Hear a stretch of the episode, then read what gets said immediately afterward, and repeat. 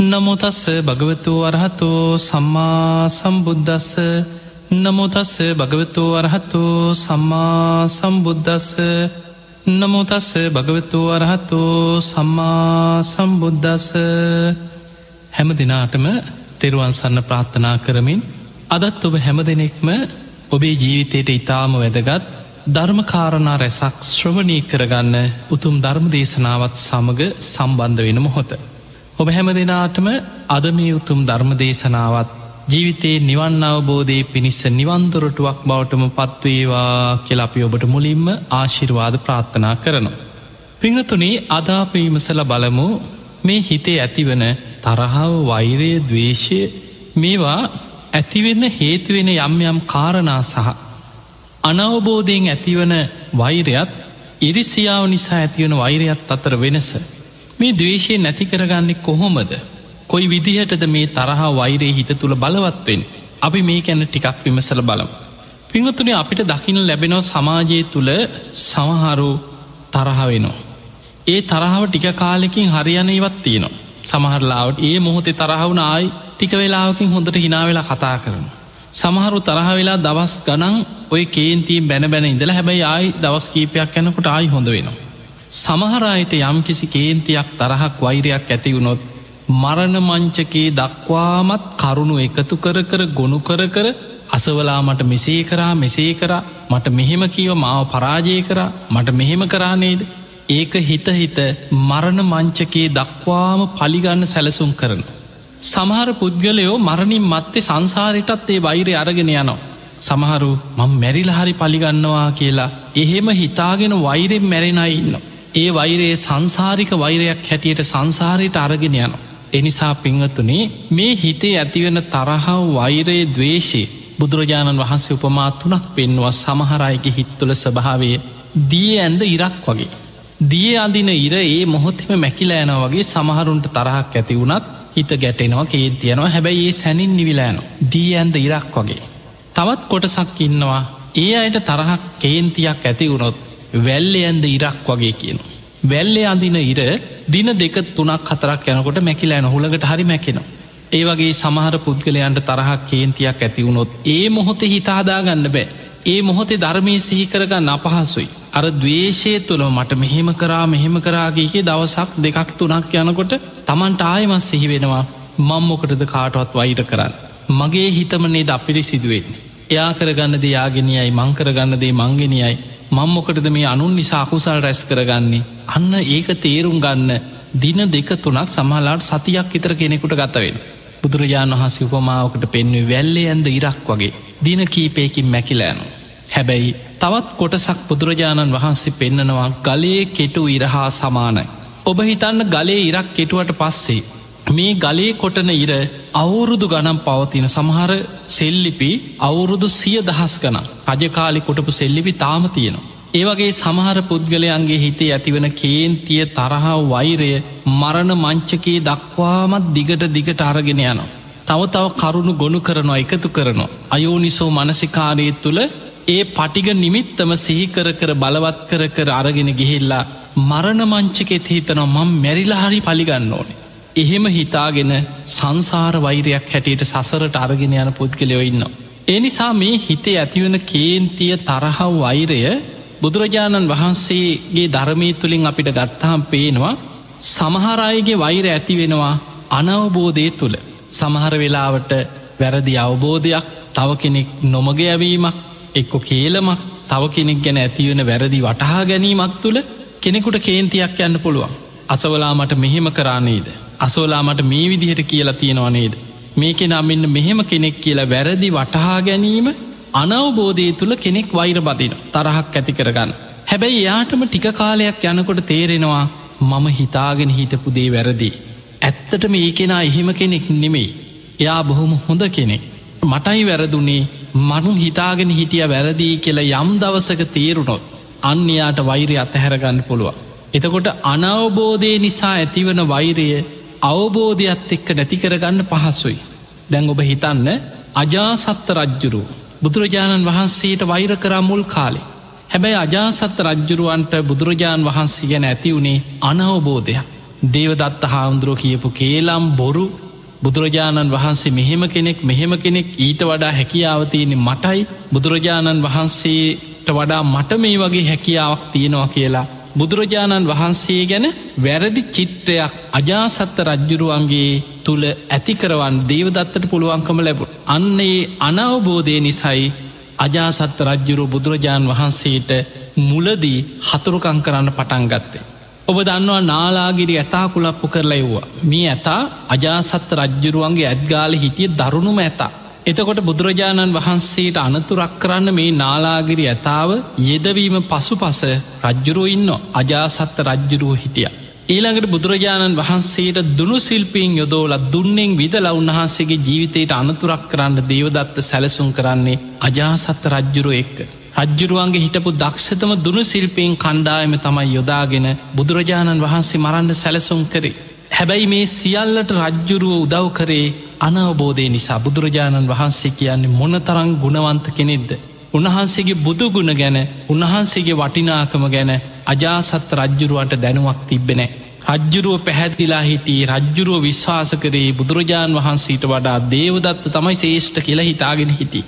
අන්නේ නිසා අනවබෝධයෙන් තමයි බුදුරජාණන් වහන්සේ ගැන වෛර බැඳගෙන බුදුරජාණන් වහන්සේට අනතුරු කරන්න හිරිහැර කරන්න කරදර කරන්න නොයෙක් උත්සාහගත්තේ. හැබැයි තමන්ට වැරදුනා තමන්ගේ මේ වටහා ගැනීම වැරදි මං හිතාගෙනඉන්න විදිහ වැරදිී කියලා අජාසත්ත රජ්ජුරුවන්ට යම් මොහොතක තේරුණාද ඒ මොහොතේ පටන් තමන්ගේ හිතේ බුදුරජාණන් වහන්සේ ගැන අප්‍රමාණ සද්ධාවක් ඇතිවෙන පටන්ගත්ත. අන්න අනවබෝධයෙන් ඇතිවෙන වෛරේ අවබෝධයක් සමඟ නැතිවෙලා යන හැටි. අවසානි බුදුරජාණන් වහන්සේ මුණගැහෙන්ට ගිහිල්ල තුනුරුවන් කමාකරගෙන බුදුරජාණන් වහන්සේ මුණගැහෙන්න අවසාන කාලි දවසට දෙතුන් වතාව යනවා. අජාසත්ත රජ්ජුරුවන්ට බුදුරජාණන් වහන්සේ දේශනා කරපු දේශන ගණනාවක් තිබුණ. හිත හදාගන්න උපදෙස්සිල්ලන මොකද ඒ වෙනකොට ගොඩක් වැරදීම් සිදුවෙලා ජීවිතේ වරද්දගෙන අවසානයි. දේවදත්තගේ කීම මත තමන්ගේ පියා මරලා පීටරූ ගහතක ආනන්තරි අකුසලයක් කරගත්තා. ඒක කිසිම පිනකින් වහන්න පුළුවන් අකුසල කර්මයක් නෙමේ. ඒ කාන්තෙන් මරණින් මත්තේ කල්පයක් අපායට වැටිලා අපාය විපාක දෙන්න බලවත්ම අකුසලයක් වන ආනන්තරි අකුසලයක් කරගෙන තිබුණ. හැබැයි පස්සෙ පසු තැවුණ. නිතර බුදුරජාණන් වහන්සේ මුණගැහෙන්නාව. බුදුරජාණන් වහන්සේ ගැන කොයි තරන් සද්ධාවක් තිබුණද කියන්නේ. ඔබ දන්නවා බුදුරජාණන් වහන්සේ මල්ල රජදරුවන්ගේ උපවර්තන සාල වනෝද්‍යානි පිරිනිවන් පෑව. බුදුරජාණන් වහන්සේ පිරිනිවන් පෑවා කියන පණවිඩේ පවා. අජාසත්ත රජ්ජුරුවන්ට දැනුන් දෙන්න පෙර රාජකය වෛද්‍යවරු අමාත්‍යවරු සාකච්ඡා කරා රජ්ජුරුවන්ගේ රෝග තත්වේ. රජතුමාට මෙවැනි වේදනාවක් පාර්ට බුදුරජාණන් වහන්සේ පිරිනිවන් පෑවා කියලා දැනගත්තොත්. රජ්ජුරුව පපුූ පැලිල මැරෙන්න්න තරම් පුළුවන් ඒ තරම් බුදුරජාණන් වහන්සේ ගැන අවසාන කාලි සද්ධාවෙන් ඉන්නේ. කොහොමද මේ අපි දැනුම් දෙන්න. රාජිකය වෛද්‍යවරු තීරණය කරා බෙහෙත් තොරු තුනක් හදන්න කිව. රජ්ජුරුව ළඟට ගිහිලකිව රජතුමනී සෝකදායක පණවිඩයක් රජ්ජුරුවන්ට දැනුම් දෙන්න තියෙනවා. ඔය රාජකයේ සලු පිළි ඉවත් කරලා සිනිදු සලුවක් ඇඳගෙන කරවටක් බෙහෙත්තොරුවට බහින්න කියව. රජ්ජුරුවන්ග බෙහෙත්තොරුවට බස්සල අත් දෙක එකතු කළ වන්දනා කරෝලා බෙහෙත්තොරුව පිටිම කුසිනාරාව දිසාවට හරෝල මේ පැත්තට වැඳගන්න කියව. අමාත්‍යවරු සියලු දෙනාම ඒ දිසාවට වැඳගෙන කියනවා රජතුමනී බුදුරජාණන් වහන්සේ මල්ල රජදරුවන්ගේ උපවර්තන සාල වනෝද්‍යානයේ පිරිනිවන් පෑවා කියව. එහෙම කියනකොටම රජ්ජුරුව බෙහෙත්තොරුවේ සිහිසුන් වුණා. තෙල් ගාල බෙහෙත් ගාල ටික වෙලාවකින් සිහියාව. මොකක්ද මට කලින් කිව්වේ කියලැහු. රජ්ජුරුවන්ව දෙවනි බෙහෙත්තොරුවෙත් තියලා අරවගේම වන්දනා කරවගෙන කිව්වා රජතුමනි බුදුරජාණන් වහන්සේ මල්ල රජදරුවන්ගේ උපවර්තන සාල වනෝද්‍යානි පිරිනිවන් පෑව. දෙවනි වතාවෙස් සිහි නැති වුණ. මේ විදිහට තුන් වතාවක් බෙහෙත්තොරු තුනක බස්සලා බුදුරජාණන් වහන්සේ පිරිනිවන් පෑවාකෙන පණවිඩේ දැනුන් දුන්න. අවසානි රජ්ජුරුවෝ බුදුරජාණන් වහන්සේ වැඩහිටිය වේලු වනාරාමෙන් ගන්ධකුටිය පිහිටි තැනට ගිහිල්ල. බිම පෙරලි පෙරලි හඬා වැලපුනාකෙන ඉදා රාත්‍රී වෙන කල්ම දවසම අනේ බුදුරජාණන් වහන්සේ මට මේ විදිහට දහම් දෙසුව. මට මේ විදියට අනුකම්පා කර බුදුරජාණන් වහන්සේ මේ විදිහට ධර්ම දේශනා කරා කියලා සිහි කර කර හඬා වැලපෙන්න්න පටන්ගත්ත. අවසානි කල්පනා කරා දැන් අඩල වැලපිලා මට ප්‍රයෝජනයක් නෑ. බුදුරජාණන් වහන්සේගේ ධාතුන් වහන්සේලා මං ඉල්ල ගන්නවා. මගේ රාජ්‍ය තුළ ඒ දහතුන් වහන්සේලා වෙනුවෙන් චෛත්‍ය ඉදි කරලා මම බොහොම සද්ධාවෙන් වන්දනා කරනවා කියල තමයි ධාතුන් වහන්සේලා ඉල්ලගෙන පිටත් වෙලායන්. එතකොට ඔබ දන්නවා බුදුරජාණන් වහන්සේ පිරිනිවන් පාලා මාස තුනක් ගිය තැන. රජගහනුවර සප්ත පරණී කියන ගුහාාව ඉදිරිපිට ප්‍රථම ධර්ම සංගායනාව කරා. ඒ ප්‍රථම ධර්ම සංගායනාවට මූලිකත්වය ගත්තෙත් අජාසත්ත රජ්ජුරු.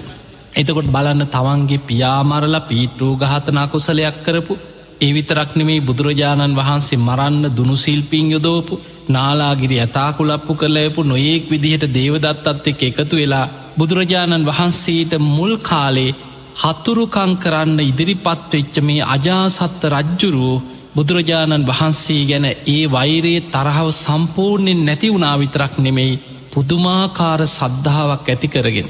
තමන්ගේ ජීවිතයේ අවසාන කාලෙ මේ තරන් සද්ධාවන්ත කෙනෙක් පෘතජ්ජනයන් අතර හිටිය නෑමකද මාර්ගඵලයක් ලබන්න බෑ අකුසල විපාකෙ බලවත් වැඩි ආනන්තරි අකුසලෙන් ධර්මාවබෝධය කිරීමේ පින වැහිල තිබුණේ හැබැයි බුදුරජාණන් වහන්සේ පිරිනිවන් පෑවක අදෙස් තුන් වතාවක් සිහිසුන්නුන. ප්‍රථම ධර්ම සංගායනාව කර ශාසනී වෙනුවෙන් විශාල කටයුත්තක් කරේ අර මුල් කාලි හතුරුකං කරපු කෙන. එතකොට අපිට පේනවා ඇයි එහෙම රජ්ජුරුවන්ට ඒ තරහ වෛරය නැති කරගන්න පුළුවන් වුණේ. ඒකට හේතුව රජ්ජුරුවන්ට බුදුරජාණන් වහන්සේ ගැන තිබුණේ ඉරිසියාවක් නෙමේ. රජ්ජුරුවන්ට බුදුරජාණන් වහන්සේ ගැන ඇති වෙලා තිබුණේ අනවබෝධයක්. අනවබෝධීෙන් ඇතිවෙන තරහාව අනවබෝධයෙන් ඇතිවන වෛරේ අනවබෝධයෙන් කරන දේවල් අවබෝධය ඇතිවීම තුළ ඒව සම්පූර්ණයෙන් නැතිවෙලා යනු. පස්සේ ඔහුට තේරෙනවා අනේ මං වැරදි. මං හිතාගෙන හිටපු විදිහ වැරදි. මං වැරදි දෙයක්න විශ්වාස කරේ. මං හිතු ඔය විදිහට නෙමෙයිනේ. බලපුහම් මටනි වැරදිලා තියෙන්නේ කියලා. අනවබෝධයෙන් වෛර බැඳගත්ත කෙනා අවබෝධය ඇති වෙනකොට තමන්ගේ අදහස තමන් අතහැරලා තමන් නිවැරදි වෙනවා. අවසාන ඒ තරම් සද්ධාවන්ත ඒ තරම් පැහැදිච්ච ඒ තරම් ගෞරුවෙන් කටයුතු කරන කෙනෙක් ශාසනී තුළ නැති වුණ. එතකොට අපිට පේනවා අජාසත්ත රජ්ජුරුවන්ට ඒ තරහ වෛරය නැතිකරගන්න පුළුවන්කම ලැබුණ. හැබැයි ඔබ දන්නවා දේවදත්ත ගැන. දේවදත්තට තිබුණේ අනවබෝධයක් නිසා ඇතිවෙච්ච වෛරයක් නෙමේ. දේවදත්තට තිබුණේ ඉරිසියාව. බුදුරජාණන් වහන්සේ ගැන ඉරිසියාවක් තිබුණේ. ඉරිසියාවෙන් ඇතිවන වෛරය නැතිකරගන්නවා කියන එක ලීසි දෙයක් නෙමේ. අන්න ඒක තමයි භයානකමදේ. පිංහතුනේ වෛරයට හේතුවෙන කාරණ අතර අනවබෝධයෙන් ඇතිවෙන වෛරේ අවබෝධයක්ත් එක්ක නැතිකරගන්න පුළුවන්. ඉරිසියාවක් තුළ වෛරයක් ඇතිවුණොත් ඒ පුද්ගලයාගේ දියුණුව දකින්න දකින්න තවතවත් ඉරිසියා වැඩිවෙන. ඒ පුද්ගලයා බැබලෙනවා දකින්න දකින්න තවතවත් ඉරිසියා වැඩි වෙනවා. ඔහුගේ ගුණ අනිත් අය වරණා කරනවා දකින්න දකින්න තවතවත් ඉරිසියා වැඩි වෙනවා. බොහෝ වෙලාවට අපි ජීවත්වෙන සමාජය තුළ ගත්තහම. එකිනෙකා මේ පංචකාමයන් තුළ එකා පරයා එකා යන්න උත්සාහ කිරීම තුළ ඒ සමාන සමාන චරිත ලක්ෂණ ඇති සමාන මට්ට මේ පුද්ගලව අතර තමයි ඉරිසියාව කියන එක වැඩිපුර බලවත්වෙන්. දැන් ඔබ බලන්න සාමාන්‍ය ඔබ ජීවත්වෙන සමාජයේ තුළ. ඔබ රැකියා කරන සමාජයේ තුළ ගත්තෝ සමහර වෙලාවට ඔබ කම්කරුවෙක්නම්. ඔබට ඉරිසියා කරන්නේ ඔබ හා සමානම රැකියා කරන සමහරලාවට එතනින් ඉහලට එන්න උත්සාහ කරන ඔබ හා සමාන පුද්ගලය තමයි ඔබට ඉරිසියා කරන්න. ඔබ වෛද්‍යවරයෙක්න. ඒ වෛද්‍යවෘතියේ යෙදෙන ඒ වෛද්‍යවරු අතරම එක්ක විශේෂඥ වෛද්‍යවරුවවා සාමාන්‍ය වෛද්‍යවරුවා මේ වෛද්‍යවරු වෛද්‍යවරු අතරම තමයි ඒ ඉරිසියාව බලවත්තෙන්. ඊළඟට ඔබ ඉංජිනේරුවෙක් නම් ඒ ඉංජිනේරිං හැකියාව ඔබේ දක්ෂතාව ඔබේ රැකියාව ඔබ කරන ඒ සමාන රැකියාවන් එක්ක තමයි ඒ ඒ සමකාලීන ඒ ඒ එකම මට්ට මේ පුද්ගලය අත්තර තමයි ඉරිසියාව කියනික බලවත්ත මතුවේ. තැන් ඔබ සාමාන්‍යෙන් ගෙයක් හදන කෙනෙක් ගැන හිතන් බාසුන්න හැකෙනෙ. සාමාන්‍යෙන් දහ දෙනෙක් කරගෙන බලන්න කවදාවත් කෙනෙක් කරපු දෙයක් හොඳයි කියන කෙනෙක් කලාතුරකින් ඉන්නේ බොහොම හොඳ අසර පුරුදු ඇති බෝධි සත්ව ගුණ ඇති හොඳට ධර්මී දියුණු කරගත්ත කෙනෙක් කැරෙන්න එහෙම නැත්නං කොච්චර හොඳට තිබුණත් එක ඇදයක් තමයි කියන්නේ බිත්තිය බැඳල තියෙන හරිනෑගේ ඇදට බැඳල තියෙන්නේ කියයි අපරාධ හරිනෑ කිය මේක වලවල් තියෙනවා කියයි මොකද තව කෙනෙක්ගේ දෙයක් අගේ කරන්න ඒක යහපත දකින්න කැමති වෙන්නේ. එතකොට අපිට පේනවා මේ විදියට සමාන මට්ට මේ චරිත ලක්ෂද තියෙන අයාතර ඉරිසියාව කියන එක ඇති වෙනවා එක තමයි මේ කෙලෙස්වල ස්භාව. බොහෝ වෙලාවට ඒ ඒ සමාන මට්ට මේ ගිහි පිරිස් අතර ඉරිසියාව ඇතිර පැවිද්ව අතර ගත්තත් එහෙම. එතකොට පැවිද්ද අතර ගත්තත් පැවිද්දෙකුට ඉරිසියා කරන්න සමහලාට තවත් ඒ මට්ටමේම කටයුතු කරන පැවිද්දේ. ඒක තමයි කෙලෙස්වල ස්භාවේ. මේක ධර්මය අවබෝධ කරගන්න තෙක්ම කෙලෙසුන්ගේ මිදිල රහත්වෙන තෙක්ම බලපවත්වන දෙයක්. අපිට පේනව බුදුරජාණන් වහන්සේගේ ශාසනය තුළ පවා. බුදුරජාණන් වහන්සේ වැඩහිටපු කාලයේ පවා මේ ඉරිසියාව මොනතරම් බලවත්ත මතු වෙලා තියෙනවත්. දේවදත්තට ඇති වුණේ බුදුරජාණන් වහන්සේ ගැන අනවබෝධයක් නෙමේ ඉරිසියාවක් ඇති වුණේ. දේවදත්ත කල්පනා කරා මමත් සාක්‍ය වන්සික කෝලිය වන්සික මමත් මේ විදිහට බුදුරජාණන් වහන්සේගේ මේ සම මට්ටමේම මේ වන්සවත් කෙනෙ මමත් ඒ හා සමකාලීන කෙනෙ ඒ නිසා මම ඊට වැඩිය මටත් මේ ගෞරව ඒ විදිහටම ලබන්න ඕන රජවරු සිටුවරු බුදුරජාණන් වහන්සේට ගරු කරනු. බුදුරජාණන් වහන්සේ මුණගැහෙනවා. උන්වහන්සේ ශාස්ෘත්තයේ තියාගෙන ශ්‍රාවකයෝ කටයුතු කරනකොට ඇති වුණා ඇයි බුදුරජාණන් වහන්සේට විතරක් මටත් ඒක කරන්න පුළුවන්. එනිසා තමයි සංග බේදය කරලා අවසානයේ සංඝයාගේ කොටසක් වෙනම තමන්ට ඕන විදියට පාලනය කරගෙන තමනුත් බුදුරජාණන් වහන්සේගේ මට්ටමට පත්වවෙන්න හිතාගෙන කටයුතු කර. ඒ තුළ තමයි අජාසත්ත රජ්ජුරුවන්ගේ උපදෙස් සරගෙන බුදුරජාණන් වහන්සේව විනාස කරලා ඒ තැනට තමන්ට එන්න පුළුවන් කියන හැඟී මොහුට ඇති වුණා. ඒ වෙනුවෙන් තමයි සැලසුම් කරි රජ්ජුරුවන්ටක ඔබ පියාමරලා රජවෙන්. මං බුදුරජාණන් වහන්සේට අනතුරක් කරලා මම ඒ තත්ත්ව ඇති කරගන්න. එදකොට බලන්න මොන තරම් පහත් මට්ටමේ හැඟීමක්ද. ඒ හැඟීම තුළ ඉරිසියාවෙන් වෛර බැන්දට පස්සේ කෙනෙක්ගේ ගුණ දකින්න දකින්න ඉරිසියාව බලවත්තෙන. දැන් ඔබ හිතන්න බුදුරජාණන් වහන්සේ යමාමහ පෙළහර පාපු අවස්ථා ගණනාවක් දේශනාවල සඳහන් වෙනවා. බුදු කෙනෙකුට පමණයි පුළුවන් ගිනිදැල් විහිදෝමින් ජලධාරාවන් විහිදෝමින් බුදු සිරුරෙන් යමාමහ පෙළහරපාන් දැන් ඕව දේවදත්ත හාදුරු දන්නවා. ආරංචි වෙන බුදුරජාණන් වහන්සේ යන්න ගන්ධබ රුක්ක මූලේ ළඟ යමාමහ පෙළහර පැව. අන්න පාටික සමාගමේදී මේ අන්න තීර්ථකයන්ව දමනය කරන්න යමාමහ පෙළහර පැව. බුදුරජාණන් වහන්සේ ඥාතීන් අතරදි කපිලවස්තුපුර මේ ඥාති සමාගමේදී සාක්‍ය වන්සිකයන්ගේ මානයේ දුරු කරන්න යමා මහ පෙළහර පෑව. මෙව දන්නවා. හැබැයි ඒව දැනගන්න දැනගන්න ඇතිවෙනවා ඉරිසියා තියෙන පුද්ගලයට තවතවත් ඉරිසියා වැඩිවෙන පහදිනව නෙමේ සද්ධාවන්ත කෙනා තමයි පහදින අනේ සාදු කොච්චර දෙයක් උන්වහන්සේ මහා පින්වන්ත කෙනෙක්නි කියලා හිතනකොට සද්ධාවන්ත කෙනාගේ සද්ධාව බලවත්තෙන් හැබැයි ඉරිසියාවෙන් ඒ ගැන හිතන ඒ මට්ට මේ කෙනා හිතනවා ඇයි උන්වහන්සේට විතර මමත් ඔය මට්ටමට එන්නංක කොහොමහරි කියලා අන්න ඒ තුළ බුදුරජාණන් වහන්සේ ගැන ඉරිසියාව තවත් වැඩිවුණ අවසානයේ දැංගුබ හිතන්න බුදුරජාණන් වහන්සේ මරන්න දුනු සිල්පීන් යොදෝල බුදුරජාණන් වහන්සේ මරන්න සැලසුමක් යෙදවා. හැබැයි ඒ යොදපු දුනු සිල්පීන් සියලු දෙනාම් බුදුරජාණන් වහන්සේගෙන් බණහලා ධර්මය අවබෝධ කරගත්තා. තැන් වෙන කෙනෙකුට දැන් අනවබෝධයෙන් නම් මේදේ ඇති වෙලා තිබුණි බුදුරජාණන් වහන්සේ ගැන නොදැනගෙන නං ඔය වෛර ඇති වුණේ. මේක දැනගත්තට පස්සෙ හරි හිතෙනවා එහෙමනං උන්වහන්සේ මහා ගුණ සම්පන්න කෙනෙක්නේ මේ රජ්ජුරුවන්ගේ රාජ බටේ යදෙව බුදුරජාණන් වහන්සේට අනතුරක් කරන්න. මේ සියලු දෙනා බණහාල ධර්මය අවබෝධ කරලා අනේ එහෙමනම් තතාගතයන් වහන්සේ කොච්චර ගුණවන්ත කෙනෙක් වෙන්න මං කරපු දේ වැරදිී කියලා වෙන කෙනෙකුටනා වැටහෙනවා හැබැයි ඒක තේරුම් ගන්න බැරි වුණා දේවදත්තට. බුදුරජාණන් වහන්සේ මරන්න යොදෝපු මේ දුනුසිල්පීන් සියලු දෙනාම ධර්මය අවබෝධ කරත් දේවදත්ත හිතුව හරි. මේක මනුස්සෙක් ලව්ව කරන්න බැරිනං මම සිත්පිත් නැති තිරිසනෙක් ලව් හරි මේ අනතුර කරන. ඒ වෙනුවෙන් තමයි කල්පනා කළ කල්පනා කළ නාලාගිරි හස්තිය සීකල්පනාවෙන් ඇරියත්නෙමේ රා කල පෝල පෝල හෙන්ඩුවෙන් ඇනල කුලප්පු කරලා බුදුරජාණන් වහන්සේන මාර්ගය ඉදිරිපිට තතාගතයන් වහන්සේට අනතුරක් කරන්න තමයි සැලසුම් කළ අතහැරි. හැබැයි මේ තිරිසංගත හස්තියත් බුදුරජාණන් වහන්සේ ඉදිරියේ දනගහලා හොඩ වැල හිස මත තියාගෙන වන්දනා කරලා කීකරු මහස්තියෙක් බවට පත් වුණ. නාලාගිරි හස්තිය බුදුරජාණන් වහන්සේ ළඟ දන නැමු. දැන් හිතන්න වෙන කෙනෙක් නං මේ තරන් දරුණු රජ්ජුරුවන්ගේ ඇත්ගාල හිටපු හස්තිය රාකල පෝල පෝල හෙන්ඩුවෙන් ඇනලා කුලප්පු කරලා බුදුරජාණන් වහන්සේට අනතුරක් කරන්න යෝපු එලාවෙත් තතාගතයන් වහන්සේ මේසා දරුණු හස්තියෙක්ව දමනය කරානේද උන්වහන්සේ නම් මහා ගුණවන්ත කෙනෙක්නේ මට වැරදුනා කියලා අන්න තමන් එහෙමනන් නිවැරදි වෙන මං ආයනම් මේ වැරදි වැඩේ කරන්නේ මන් තුනුරුවන් කමා කරගන්නවාකි හැබැයි ඒක දේවදත්තට හිතුන්නේ දේවදත්තට හිතුනේ හරි. මිනිස්සු යොදෝල මට මේක කරගන්න බැරි වුණ. තිරිසන් සතෙක් යෙදෙව්වා ඔහුත් බුදුරජාණන් වහන්සේ ළඟ දන නැම්වා.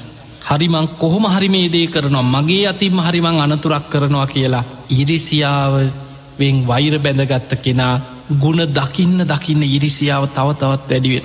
බුදුරජාණන් වහන්සේගේ බලය දකින්න දකින්න බුදුරජාණන් වහන්සේගේ පරිවාර සම්පත්තිය පිරිස් බලය කීර්තිරාවේ රජවරු සිටුවරු බුදුරජාණන් වහන්සේට ආරාම කරලා පූජා කරනවා එතකොට මේවත් දකින්න දකින්න ඉරිසියාව ඇති පුද්ගලයාගේ ඉරිසියාව තව තවත් වැඩිවෙන.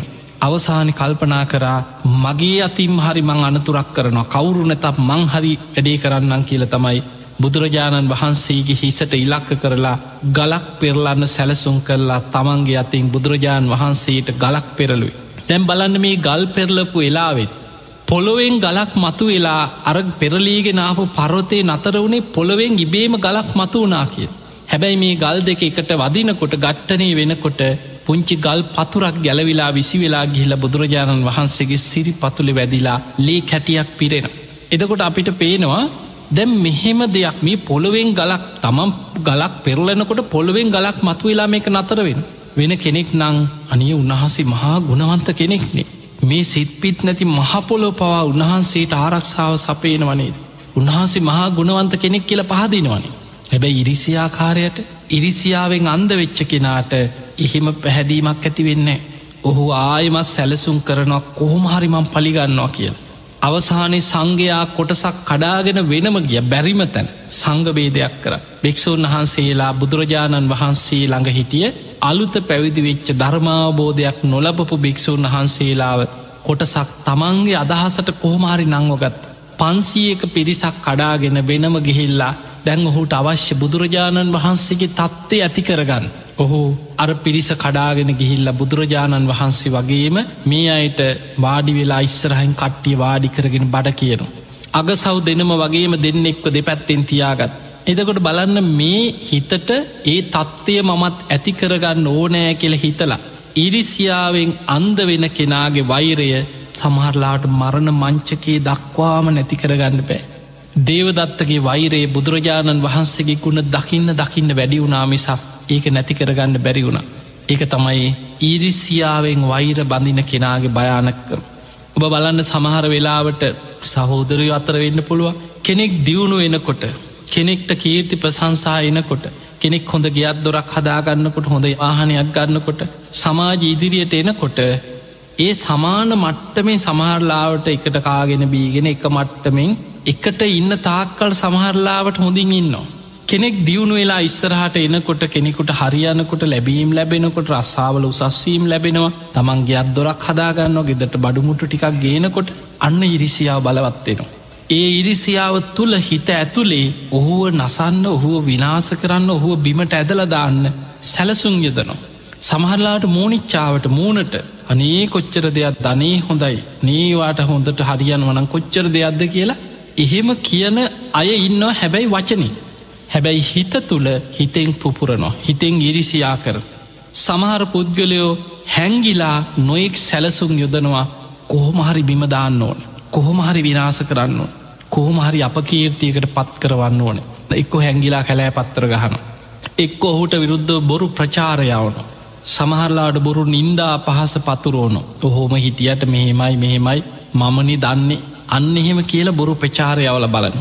එහෙමත් නැත්නම් බැරිම තැන ඔබ බලන්න කොච්චර අනුන්ට හූනියන් කරන්න දේවාල ගානි දුවන මිනිස්සු ඉන්නවද කියලා? ඔබ ජීවත් එන පරිසරේ ඔය දේවාලගානි අනුන්ට පොල්ගහන අනුන්ට හූනියන් කරන්න අනුන්ව විනාස කරන්න අනුන්ගේ දියුණුව නැති කරන්න තමන් දුක්ඉඳල හම්බ කරගත්ත ධනය විනාස කරගෙන ඒ තමන්ගේ තියෙන දේපොල විනාස කරගෙන ඒවා අනුන්ට දිදී අනුන් විනාස කරන්න සැලසුම් කර කර දේවාලගානි දූනයි කොච්චර ඉන්නවද කියල බල එතකොට අපිට පේනවා සමහරුම් තමන්ගේ දවසම කැප කරන්න. හම්බ කරන දේවිය දං කර කර අනුන්ට කොඩවින කරන්න අනුන්ව විනාස කරන්න අනුන්ට හූනියන් කරන්න තමයි තමන්ගේ ජීවිතේම කැප කරලතිය. ඒ වෙහෙසිච්ච වෙලාව තමන්ගේ දියුණුව වෙනුවෙන් කැප කරානං මෙලාට තමන් බොහොම හොඳ දියුණු මට්ටමක ඉන්න කෙනෙ එනිසා පිංහතුනේ ඔබ ඔබ ගැන හිතන්.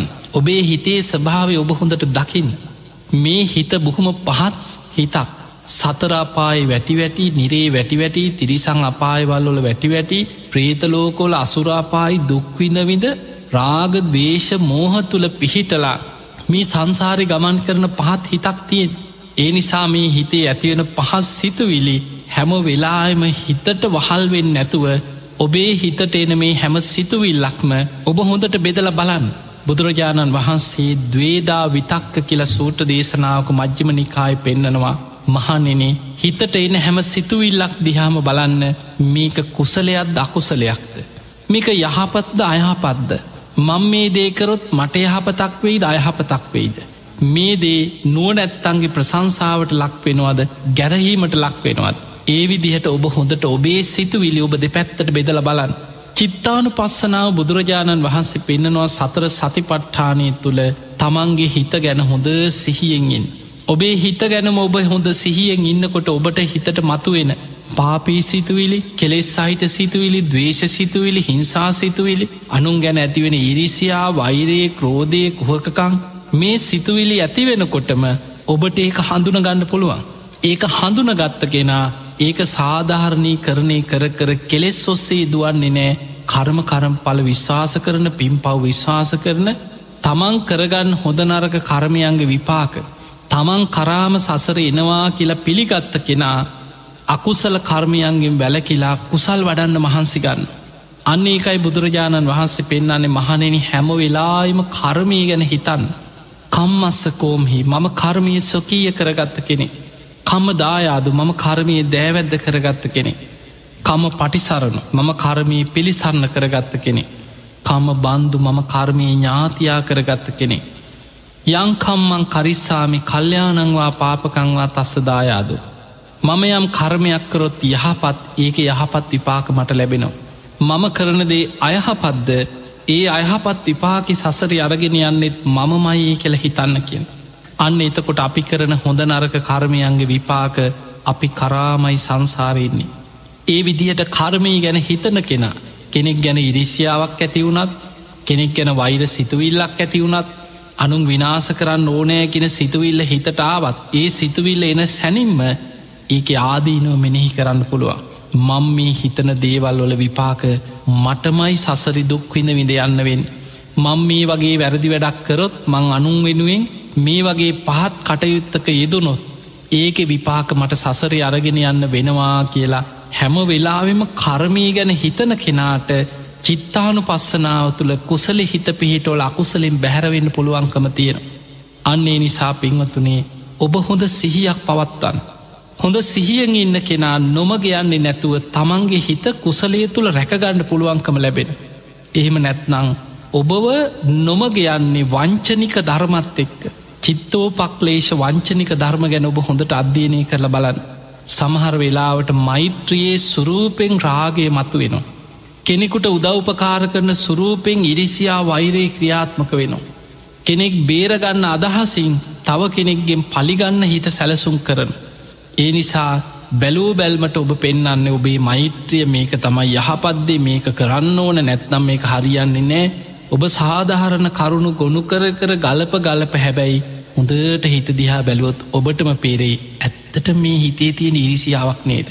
ඇත්තට මගේ හිතේ තියෙන තරහක් නේද. ඇත්තට මගේ හිත තුළ තියෙන වෛරයක් නේද. ඇත්තට මාතුළ මේ ක්‍රියාත්මක වෙන්නේ කේන්තියක් වෛරයක් ඉරිසියාවක් අනුන්ගෙන් පලිගන්න චේතනාවක් නේද. ඒක ඔබට දකින්න පුළුවන් වෙන්නේ ඔබ ඔබේ හිත දිහා හොඳට සිහියෙන් බලන තාක්කල් පමණයි. ඒ නිසා අපි ලෝකයට මොන විදිහට පෙනීන්න උත්සාහ කරත් ඔබ හොඳට හිතන්න ඔබ ගැන දන්නේ ඔබ. ඔබේ හිතට එන සිතුවිලිවල සැබෑ ස්භාවේ දකින්න පුළුවන් සිහියෙන් හිටියොත් ඔබටමයි. ඒ නිසා ඔබ යමක් හිතනවද කියනවද කරනවද ඒකෙ කර්ම විපාකයේ ඔබටම සංසාරය අරගෙන යන්න වෙනවා. ඒ නිසා පිංහතුනේ අපි මේ සංසාරය වපුරපු දේවල් තමයි දැම්මේ නිලාගන්න. අපි දැන් නරක දේවල් වපුරන්න උත්සාහගත්තොත් ඉරිසියා වෛරයේ රාගේ දවේශයේ මෝහය කෙලෙස් තුළ පිහිටලා අපි අයහපත් දේවල් වැපිරුවොත් ඒවෑ අයහපත් විපාක සංසාරි නිලාගෙන දුක් විඳවිඳ යන සංසාර ගමනක් ඔබට ලැබෙන. දැන් දේවදත්ත දිහා බලන් අද මේ වෙන කොටත් අපායි පැහෙනු. එතකොට අපිට පේනවා තමන් ඉරිසියාවෙන් වෛරයෙන් ක්‍රෝධයෙන් ක්‍රැස් කරගත් අකුසල විපා කරගෙන මරණින් මත්‍ය අපායට වැටුණ. නමුත් ඔහු ඒ කාලි සාධහරණී කරණය කර කර තමන් වටා ඉන්න පිරිසට තමන් කරන දේ හරි මේක තමයි කරන්න ඕන මේක නැතු හරියන්නෑ කියලා ඕන තරම් කරුණු පෙන්න්නන්නෙත් හැබැයි අපායි වැටුනට පස්සේ ඒ සාධහරණ කරුණු එකක්කත් ඔබේ හර්ද සාක්ෂියත් එක් ඔබට ඔප්පු කරගන්න බැරි තැනකට ඔබ එනවා. බලන්න බුදුරජාණන් වහන්සේ දේවදූත සූට්ට පෙන්න්නනවා මහනෙනි කෙනෙක් අපායට ඇදිලගියාට පස්සේ. අපායි දොරටුව ළඟදී යමරජ්ජුරෝ පස් සැරයක් කරපු අකුසල් මතක් කරලා දෙනවා. එක පාරක් දෙපාරක් තුම් පාරක් නෙමේ. යමරජ්ජුරු අපායි දොරටුව ළඟදී සිහිපත් කරනවා එම්බා පුරුසය නුඹ මේ අපායට ඇදිලාවේ නුබේ අම්මකරපු අකුසල් ගෙවන්නාව නෙමේ. නුබේ තාත්තකරපු අකුසලයක්ගේ වන්න මෙහිාවන් නෙවේ. නුබේ ඥාතියෙක් යාළුවෙක් හිතමිත්‍රයෙක් කර පකුසල කර්මයක්ගේ වන්න මෙහිාවන් නෙවේ. නුඹ විසින්ම කරගත්ත මේ මේ මේ මේ වගේ අකුසල් නිසයි මේ අපායට ආවේ කියලා පළවෙනි දේවදූතය දැක්කද දෙවනි දේවදූතය දැක්කද තුන්ගනි දේවදූතය දැක්කද හතරවෙනි දේවදූතය දැක්කද ඔබ පස්සනි දේවදූතයවත් දැක්කද කියලා පස්සැරයක් මතක් කරන එක පාරක් දෙපාරක් තුම් පාරක් නෙමේ පස් වතාවක් තමම්ම කරපු අකුසලේ තමන්ට සිහිපත් කරලා දෙනවා. එතන දියෝ බසරණ වෙන්නේ හර්ද සාක්ෂියත් එක්. ඒ නිසා ඔබම ඔබ රැස්කරගත්ත කර්මාරගෙන සංසාරය යන ගමන. එනිසයි බුදුරජාණන් වහන්සේ අපිට පෙන්වේ මහනෙන හිතේ ඇතිවන දවේශයේ දකින්න කියනවා යකඩේ හටගන්න මලකඩ දිහා බලනවා වගේ. යකඩේමයි මලකඩ හටගත් ඒ මලකඩ යකඩේ කාදමනවා යකඩ විනාස වෙලා යන. එතකොට යකඩයක් විනාස වෙලා විනාස වෙලා යන්නේ යකඩේ තුළින්ම හටගන්න මලකඩ නිසා. ඒ නිසා ඔබ අනුන්ට වෛර කරනවද ඔබ අනුන්ට දවේශ කරනවද ඉරිසියා කරනවද අනුන් නසන්න ඕනැකින සිතුවිල් ඔබේ හිතේ පවත්වනවා නං යකඩේ හටගන්න මලකඩ යකඩේ විනාස කරනවා වගේ ඔබේ හිතේ බලවත් වෙච්චේ දවේශය වෛරයේ තරහව විනාසේ කර අරගෙන යන්නේ ඔබව මයි. එනිසා පින්වතුනේ හැම වෙලාම කර්මී ගැන හිතන්. මේ දවේශය කියන්නේ බොහෝම භයානකම දෙයක්. මේ දවේශය නිසා ඔබ හිතන්න ආදීන වසයෙන් බලන් මම සංසාරය කොච්චරනන් නිරේ වැටිල දුක්හිඳල ඇද්ද. මං කොච්චර දවේශය නිසා තිරිසං අපායවල්ලොල දුක්හිඳල ඇද්ද. මේ දවේශය නිසා කොච්චර ප්‍රේත අපායි වැටිල දුක්හිඳල ඇද්ද. කොච්චර මං මේ දවේශය නිසා අසුරාපායට වැටිල ඇද්ද. කොච්චර නම්මම් පිහියනුම් කාල ඇද බිලි කැපුම් කාර ඇද ගොටිකාල මැරිල ඇත්ද. මේ දවේශය නිසාමං කොච්චරනම් සසර දුක්විඳල අනතුරේ වැටිල ඇද්ද. ආදීනව හිතන්. ඊළඟට ඔබ හැමවෙලේම හිතන්න අනුන් ගැන තරහක් වෛරයක් කිරිසියාවක් ඇති වුණොත් බැරි වෙලාවත් මන් දැම් මැරුණොත් කොහේ අයිද. මේ අනුන්ට වෛර කර කර අනුන්ට දවේශ කර කර අනුන්ට ඉරිසියා කර කර ඉඳලා. මේ විදිහට ඉඳ ළමම් මැරිල අපායි වැටනොත් කෞදමාව බේරගන්න. ඒ විදිහට ඔබ ඔබේ හිතේ හටගන්න අකුසල් ඔබෝ විනාස කරන හතුරංගින් ඔබේ හතුරටික ඉන්න වෙන බාහිර කොහෙවත්නෙමේ ඔබේ හිත ඇතුළෙමයි. ඔබව නිරේට ඇදගෙනයන් ඔබෝ තිරිසන් ලෝකෙට ඇදගෙනයන් ඔබ ප්‍රේතලෝකෙට ඇදගෙන යන සතරාපායි වැටි වැටි කල්ප ගණන් දුක්විඳවිඳ යන ඔබව සංසාරිට ඇදලදාන හතුරයින්නේ ඔබේ හිත ඇතුළෙමයි. මේ හතුරට ඉඩදීල හතුරට වහල් වුණො ඔබට නොදැනුවත්වම ඔබ අපායගාමී මාර්ගයකට ඇදගෙන වැටෙනවා.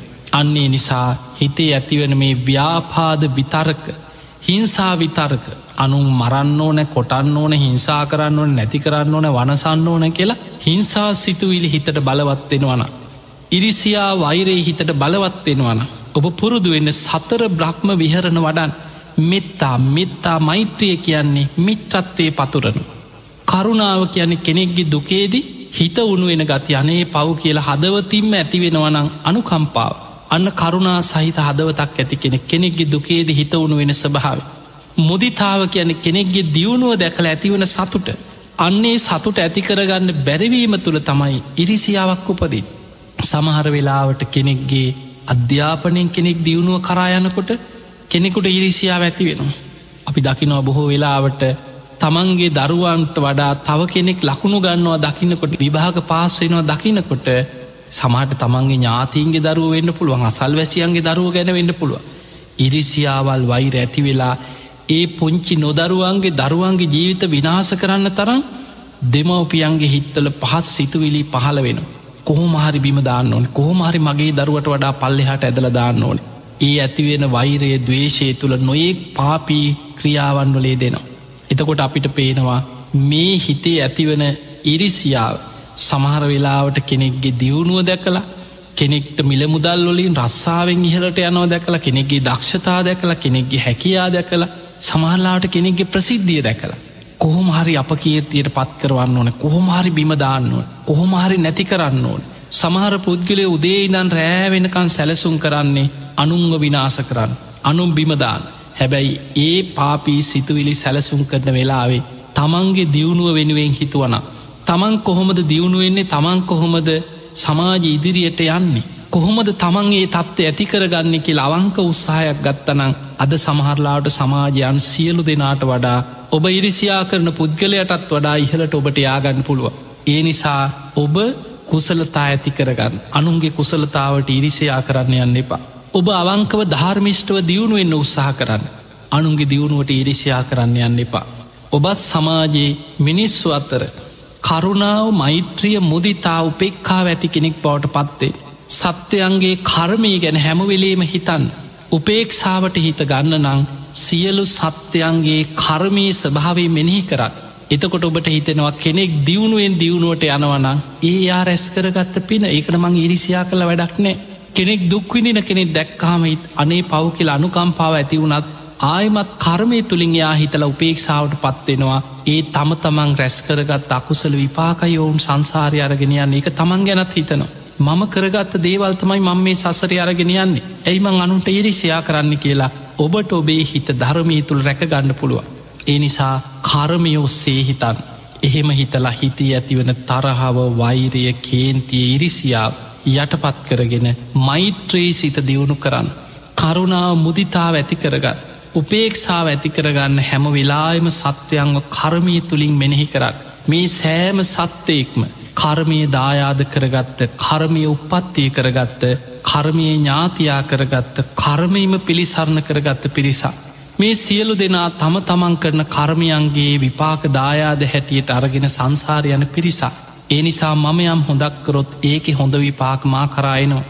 මම කරනදේ අයහපත්නං ඒ අයහපත් විපාකි සසරය අරගෙන යන්න වෙන්නෙත් මටමයි කියලා හොඳට හිතලා අකුසල්වලින් වලකින්න සබ්බ පාපස්සා කරන සියලු පාපි අකුසලයන්ගෙන් වලකින් කුසලස් උපසම්පදව කුසල් වඩන් සචිත්ත පරියෝ දපනන් තමන්ගේ හිත දමනය කරගත්. ඒ තම් බුද්ධානු ශාසනම් මෙන්න මේ අනුශාසනාව තුළ පිහිටල කටයුතු කරමින් ඔබ හැම දෙනාටම හිත රැකගෙන ධර්මය දියුණු කරගන්න වාසනාව ලැබේවා ලැබේවා ලැබේවා කියලප ඔබට ආශීර්වාද කරනවා.